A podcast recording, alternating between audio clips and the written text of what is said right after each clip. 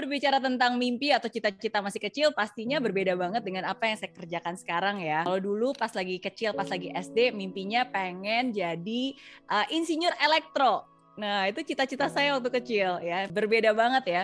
Um, dan akhirnya ya udah akhirnya bisa menjadi seorang entrepreneur. Dan pas lagi ketika saya menjadi seorang entrepreneur di Singapura pun waktu itu juga nggak pernah kepikiran bakalan menjadi seorang motivator atau motivational speaker hmm, gitu. Hmm. Nah tapi kan akhirnya ya hidup membawa saya um, apa ya melakukan lebih banyak hal. Jadi dari entrepreneur jadi motivational speaker dan sekarang jadi content creator jadi investor sampai hari ini gitu. Jadi um, ya itulah hidup ya. Dan saya suka banget dengan tema hari ini tentang growing karena ya sometimes kita nggak akan pernah tahu uh, hidup itu akan membawa kita ke mana tapi hmm. as long as we keep learning, we keep doing, we keep growing, ya akhirnya hmm. ya hidup akan memberikan kita sesuatu yang nggak pernah kita bayangkan dan membawa kita ke tempat-tempat yang nggak pernah kita imajinasikan. Hmm. Tapi ya di sinilah kita bisa berada.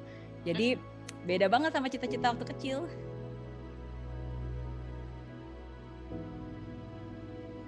Um, jadi kalau saya bisa cerita, mungkin biar gampang saya bagi menjadi tiga dekade ya. Hmm. Jadi dekade pertama itu dekade ketika saya uh, usia 20 tahunan, masih remaja.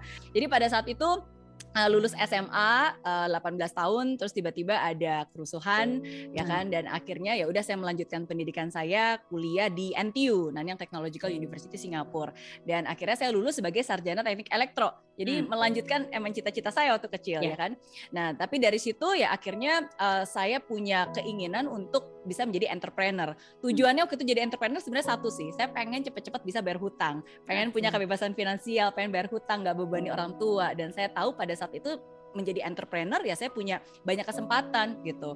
Nah, um, tapi pada saat itu kan karena nggak punya background, nggak punya pengalaman gitu kan, jadi ya banyak banget jatuh bangunnya, banyak mencobanya, banyak gagalnya. Jadi uh, nggak uh, punya modal, nggak punya kenalan, nggak punya keterampilan. Tapi yang pada yang satu saya punya sungguh-sungguh cuma keberanian, waktu dan tenaga gitu. Dan akhirnya ya udah itu yang saya lakukan. Uh, saya akhirnya membangun bisnis uh, pertama saya yang berhasil, yang gagal banyak yang berhasil akhirnya di bidang jasa keuangan, di bidang uh, financial service industry dan di situlah akhirnya kerja keras 14 jam tiap hari nonstop 7 hari selama seminggu dan uh, I've managed to achieve my first million at the age of 26. Nah, jadi itu dekade pertama ya 20 tahunan. Terus uh, dekade kedua itu berarti ketika usia 30 tahunan. Um, nah jadi kalau dulu 20 tahun berawal dari sebuah mimpi, ya karena tadi mungkin saya lupa cerita ya. Jadi di saat susah, ya pokoknya saya cuma punya mimpi, saya pengen bayar hutang, punya kebebasan finansial, pengen jadi orang sukses yeah. gitu. Dan akhirnya udah berhasil.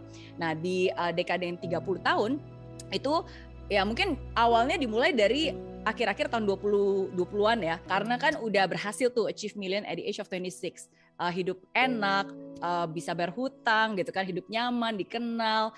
Cuma ada satu hal yang saya rasakan berbeda. Saya ngerasa kok kayaknya lebih semangatan dulu ya uh, ketika masih susah gitu dibandingkan sekarang ketika hidupnya nyaman gitu. Dan di situlah akhirnya saya sungguh-sungguh sadar bahwa uh, ya yeah, there's more in life gitu instead of just achievement. Bukan hanya materi gitu kan tapi ya apa yang membuat hidup ini berarti. Nah dan di situlah akhirnya saya baru mulai berproses untuk cari tahu oh ternyata ada loh yang namanya passion ada loh yang namanya purpose Uh, sebelumnya tuh pernah tahu tuh yang namanya passion. Pokoknya yeah. saya kerja untuk uh, bayar hutang aja. Pokoknya nggak pengen hidup susah, pengen bayar hutang, nggak yeah. pengen uh, orang tua. Dan akhirnya udah saya mencari tahu tentang passion. Uh, ternyata ada yang namanya purpose. Dan akhirnya di situ saya baru benar-benar mensinergikan uh, apa sih minat saya, apa sih bakat saya, apa sih yang benar-benar menjadi purpose hidup saya. Dan akhirnya I found the answer in education dan hmm. di situlah akhirnya saya mulai punya mimpi baru lagi untuk the next decade of my life. Kalau hmm. dulu pengen jadi orang sukses, pengen dapat sejuta dolar, ya saya ingin bisa menciptakan dampak positif dalam ah. kehidupan jutaan orang khususnya di Indonesia.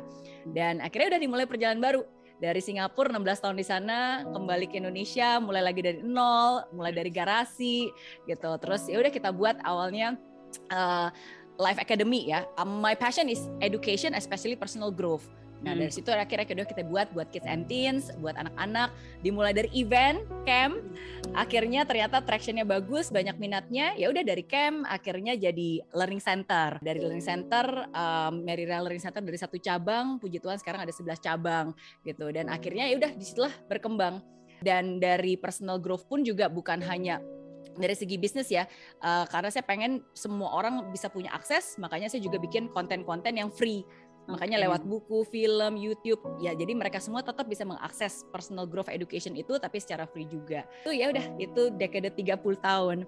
Nah, dan akhirnya yang sekarang nih memasuki dekade baru uh, di sinilah yang awalnya mungkin sebuah ketidaksengajaan punya mimpi di usia 20 tahun akhirnya saya lanjutkan usia 30 tahun sekarang ini menjadi sebuah resolusi dan setiap 10 tahun sekali akhirnya saya selalu punya uh, resolusi itu. Jadi uh, di ulang tahun saya ke-40 dua tahun yang lalu ya saya ingin uh, bukan hanya untuk menciptakan dampak positif di Indonesia tapi menciptakan dampak positif dari Indonesia uh, untuk dunia. Dan di situlah akhirnya saya berpikir oke okay, kalau gitu berarti harus harus scale nih harus yeah. diaccelerate nih. Nah akhirnya udah kita bikin uh, adventure. Jadi kalau dulu di bidang uh, apa education sekarang kita menggunakan teknologi juga. Dan sekarang kita juga uh, punya venture builder juga ya MDCO untuk membantu para UMKM to achieve their first million dollars company juga. Ya jadi men-scale up lah. Jadi uh, mengerjakan bareng-bareng dan ya lebih banyak lagi um, bisa apa ya menciptakan dampak positif itu dan membantu. Jadi itu sih mungkin tiga fase yang setelah saya look back ya ternyata ada banyak benang merahnya dan ya itulah yang membawa saya sampai hari ini.